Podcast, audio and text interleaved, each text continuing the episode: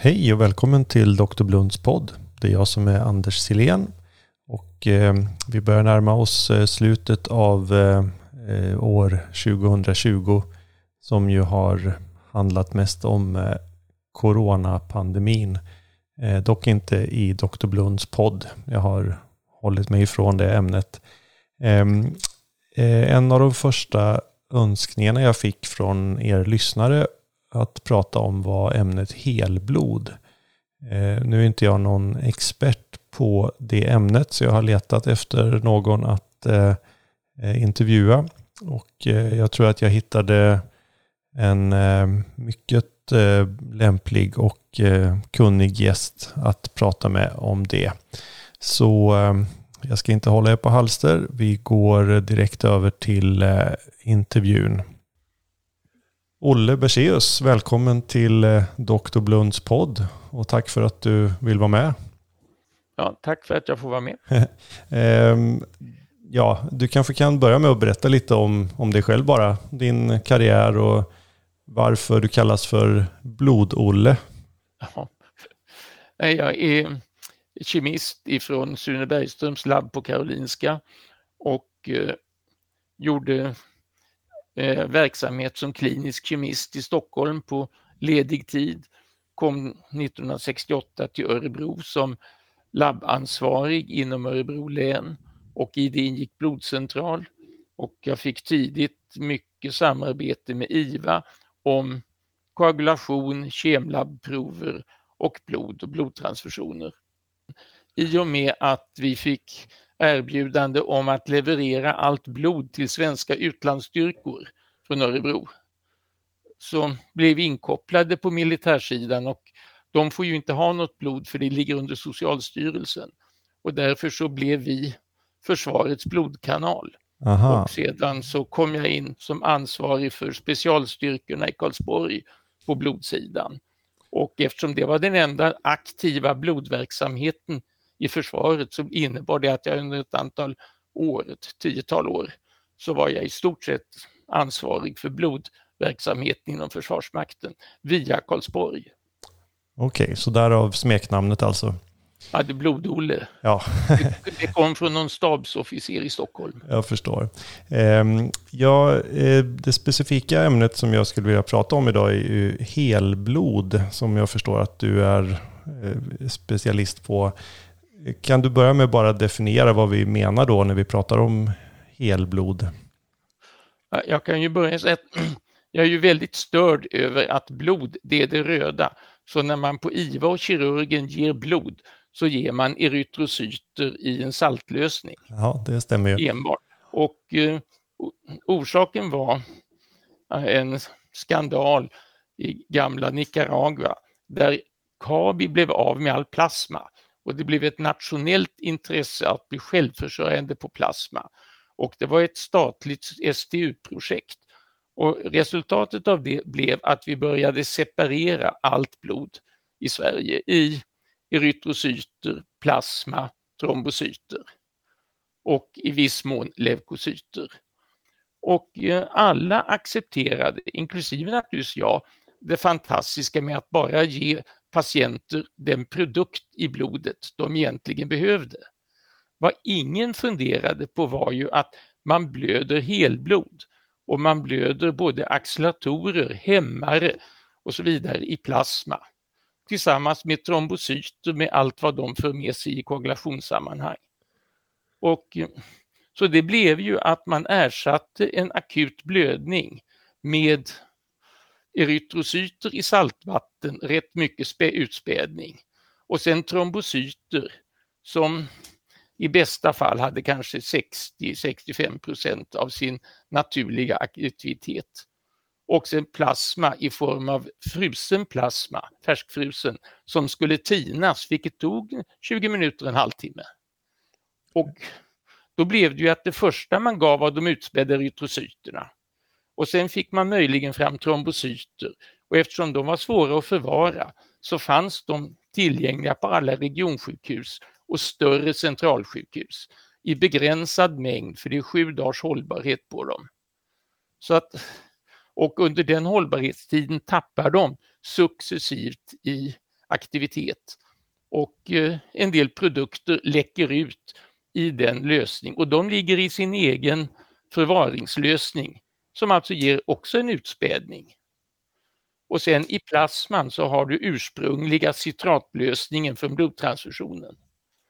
Så att alltihop det här gör ju att du spär ut en akut blödande patient hela tiden oavsett hur du transfunderar. Ja, allt, allting det där låter ju mycket klokt och genomtänkt, men precis som ja, du... Jag skäms ju för att först för en tiotal år sedan så började jag plötsligt fundera över det här.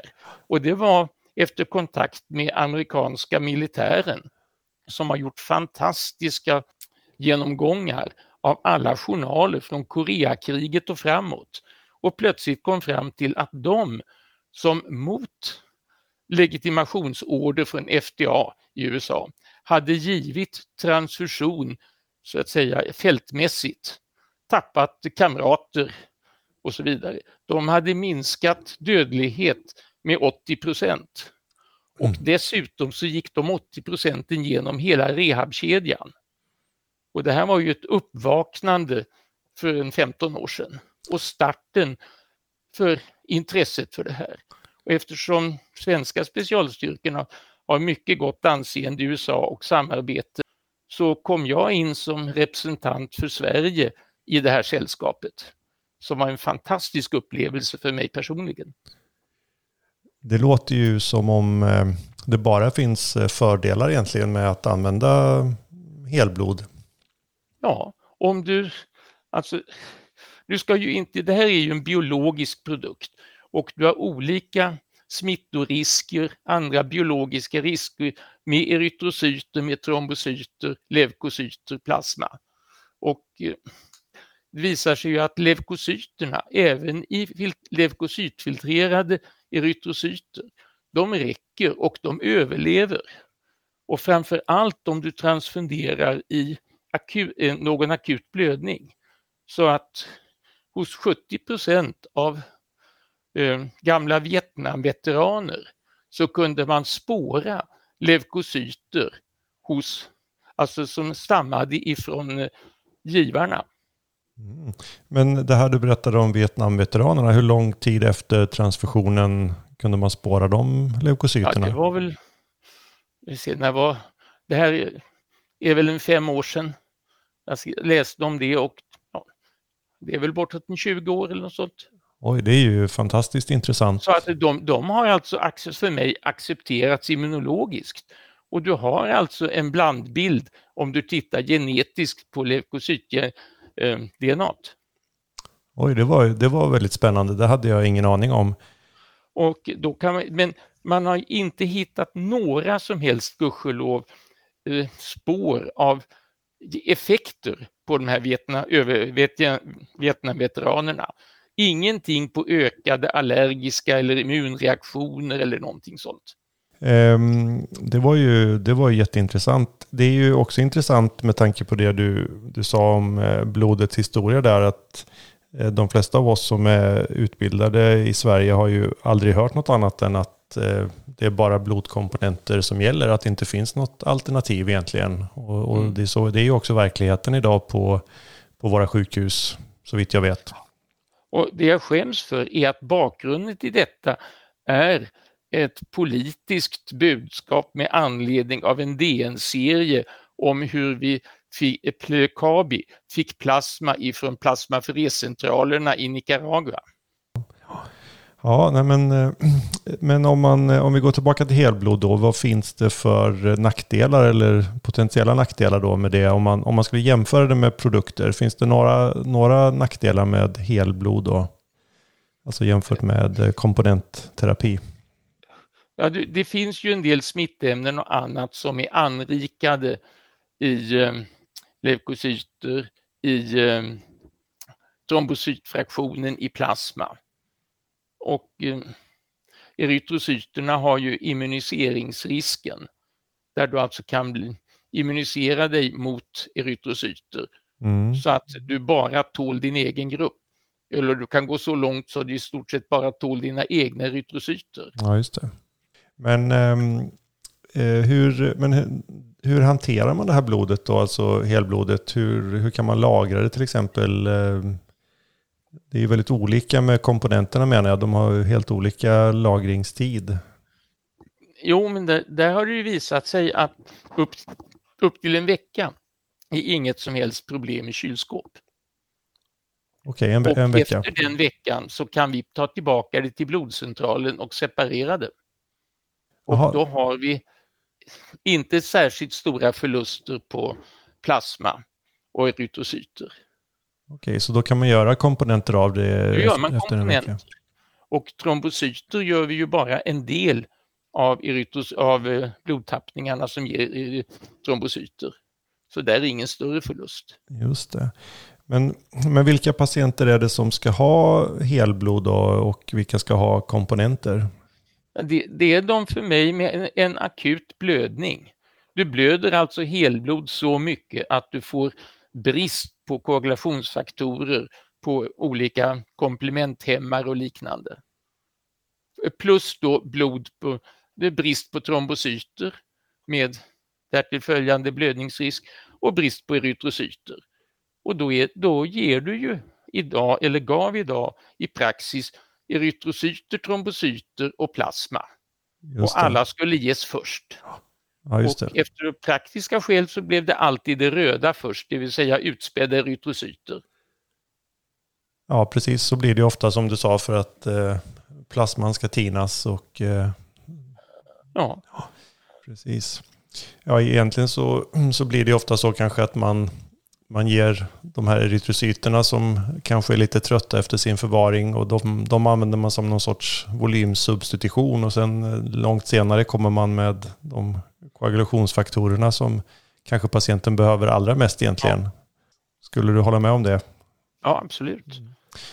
Mm. Men Eh, används det här någonstans idag? Militärt har du ju nämnt redan, men finns det något civilt område där det används eh, nu ja, det, idag? Det första är ju några år sedan som det började införas. Först i Norge på luftambulanserna och eh, sen väl ungefär två år så fanns det på första ambulansen och jag tror att det var eh, västsvenska i Kungsbacka och eh, Karlstad. Ja. Och nu tror jag, det, fast det vet jag inte, att det är standard på svenska ambulans och en del akutambulanser. Att man har alltså på en lokal liten blodbank på ambulansstationen eller ja, och är det så att säga larmet akut trauma med blödning så tar man med en färdig eh, kylförpackning med färskblod, nollblod då. Ja, just det. Eh, och här... Sen har det ju kommit frystorkad plasma som går väldigt lätt att eh, fylla upp. Och för mig är väl det, har du inte färskblod så är frystorkad plasma det ideala eh, volymsubstitutionen. Ja, precis, för då får man ju åtminstone eh, koagulationseffekten också. Precis. Ja. Eh, du, in, du nämnde nollblod här, då, då kommer ju frågan naturligt om blodgruppering. Är den annorlunda när det gäller helblod än andra Nej. komponenter? Nej, det, man får ju hålla rätt på att nollplasma innehåller ju anti-A och anti-B. Just det. Och den ger, och då försöker vi få bort så kallad högtitrig. Det kan ju vara en låg titer, det kan vara en hög titer. Sen är det komplicerat för att normal, människorna om du är A så har du A-substans. Är du AB så har du A och B-substans, alltså blodgruppssubstansen löst i plasma. Mm. Och Det innebär att får du antikroppar så kommer de att neutraliseras av A respektive B-substansen. Och den neutraliserar effektivt vad ska jag säga, normala halter av anti-A och anti-B i nollblodet. Okay, Men det... då finns det de som har blivit AB0 immuniserade av nollgivarna. Och de kan alltså ha väldigt höga titrar. Och då kan du få en transfusionsreaktion med hemolys. Men det är extremt ovanligt. Och eh, eftersom nolltrombocyter som har nollplasma har givits i trombocyt, nolltrombocyter så att säga till eh, cancerpatienter, trombocytemier av olika slag, så är det oerhört sällsynt med komplikationer där. Och där är i stort sett alla komplikationer rapporterade. Okej, okay. så när du pratar om höga och låga titrar då är det alltså eh, mängden antikroppar i, mängden antikroppar. i givarens plasma då? Är det det vi ja. pratar om? Just det. Och det är den som reagerar med patientens erytrocyter. Just det, och så det är någon, någonting som man då mäter på blodgivaren, alltså ja. hur höga titrar? Alla, alla nollor kategoriseras på det. Okej, okay, bara, bara de, bara nollor? Ja. ja. Okay. Det andra, då annat blod ger man ju så att säga blodgruppskorrekt. Ja, just det, precis. Och då stämmer även antikroppsdelen. Just det. Eh, om, eh, i, I de här sammanhangen så stöter man ibland på begreppet walking blood bank. Kan du säga något ja. om vad det är för något? Det, det började i stort sett inom det militära att man på ett bassjukhus, och amerikanerna har ju jättestora bassjukhus militärt, de har ungefär regionblodcentral och eh, där grupperade man framför allt baspersonalen. Och eh, de var alltså blodgivare och kallades in vid behov. Så man eh, slängde ut på högtalarna att vi behöver A-givare, tio stycken nu. Ah. Och då kom alltså ett 20-30-tal rusande. Och sen gick det där till eh, kryssningsfartyg också som hade lite samma sak när det gällde besättningen. Jaha, du menar civila kryssningsfartyg alltså? Ja. ja. Eh, och eh, det har alltså räddat liv och gjort det möjligt att evakuera patienter för dem. Mm. Så en, en walking blood bank är precis vad det låter som helt enkelt? Alltså ja. man tar blod det är från en... icke regelbundna blodgivare. Just det. Men hur gör man då, tänker jag, med eh, eh, blodgruppering och screening för sjukdomar och sådär som, som våra blodcentraler ja, screen, gör? Man screenar ju, sjukvården screenar, där screenar man med eh, snabbtester. Mm. Och de, de har alltså en något sämre känslighet så att du kan missa en del. Men samtidigt så ges ju blodet i absolut kritiska lägen. Absolut. Och det är ju för mig det väsentliga att blod i alla blodprodukter i alla in, det är en riskbehandling med en hel del risker som vi inte vet om. Jag menar neutraliserade antikroppar och annat ställer ju till immunologiska effekter som vi inte vet någonting om. Mm, mm. Så att det är ju någonting som ska tas till när det verkligen krävs med en ordentlig tankeförmåga. Ja, det, det håller jag gärna med om. Jag är en av dem som är ganska återhållsam med transfusioner även inne på sjukhuset. Ja. Trots alla säkerhetsaspekter. Um, och, ja. Sen har jag ju en känsla ibland att en del är för, vad ska jag säga, försiktiga. Frågan är vilka HB-gränser är tolererade, tolerabla på en 80-person med knackig cirkulation. Ja, den, eh, den diskussionen har vi allt som oftast inom ja. anestesi och intensivvårdsbranschen. Ja, och den är ju liksom, man får ju väga risker hela tiden, inte skatta den ena eller den andra utan försöka efter bästa förstånd att se vad är optimalt i det här läget. Mm. Ja. Jo, det är ju det här eh, att man måste se individen också. Vi vet ju vad som gäller för stora grupper men eh, det säger ju ingenting om den patienten man har framför sig. Man får göra en individuell bedömning i varje fall. Eh, om, om du nu kunde fick bestämma, skulle vi då eh, övergå till att eh, ha helblod eh, på alla våra blodcentraler i Sverige? Ja, på en, de som har en ordentlig blodcentral med alltså kompetent personal tycker jag skulle kunna ha ett satellitkylskåp, alltså blodbank på akuten. Och i Örebro så har vi det så att den är uppkopplad mot blodcentralen. Så att om du skickar en eh, förprovsrör till blodcentralen så efter förprovet så kan blodcentralen frisläppa en enhet i blodbanken på akuten. Ja, och, och är det helblod? Den, den, den, får alltså där en utskriven normal att säga, en följesedel.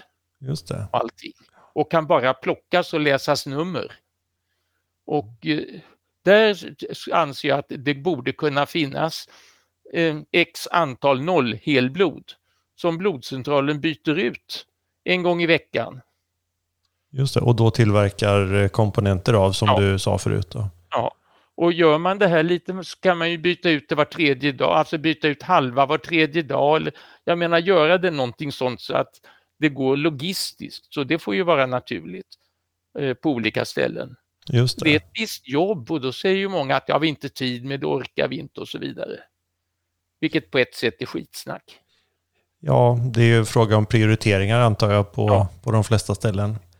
Ja, visst. Ja. Eh, och där, där, tycker jag att ni borde kräva det. Du, menar vi som jobbar inom akutsjukvården då? Ja. Och jag har aldrig upplevt något sådant krav ifrån er som avnämare utan snarast en vördnadsfull oh tack så mycket. Ja, det ligger nog mycket i det tror jag. Det tror jag. Men det är nog också så att eh, de flesta av oss har bara de kunskaper som vi har fått från dina kollegor och eh, ja. kanske inte mer än så. Ja, jag, ehm. jag har ju suttit i samma båt så att jag skäms ju lite nu. Men eh, man, eh, att, att kunna ändra sig är väl en stor, eh, det är väl något stort att kunna ändra sig och erkänna det. Jag brukar ju säga att det är bara när jag har fel som jag lär mig något nytt, så det gäller att ha fel ofta. Precis, jag, jag, jag hör dig och jag håller med. Jag önskar att jag fick ha fel lite oftare. Ja, jag har lärt mig mycket av det här i alla fall och eh, Olle, jag vill tacka dig så jättemycket för att eh, du har varit så generös med eh, din eh, tid och eh, din kunskap. Om, eh, om lyssnarna nu skulle vilja lära sig lite mer om det här, finns det någon, eh, några resurser som, som vi skulle kunna hänvisa dem till där man kan läsa och, och skaffa sig mer kunskap?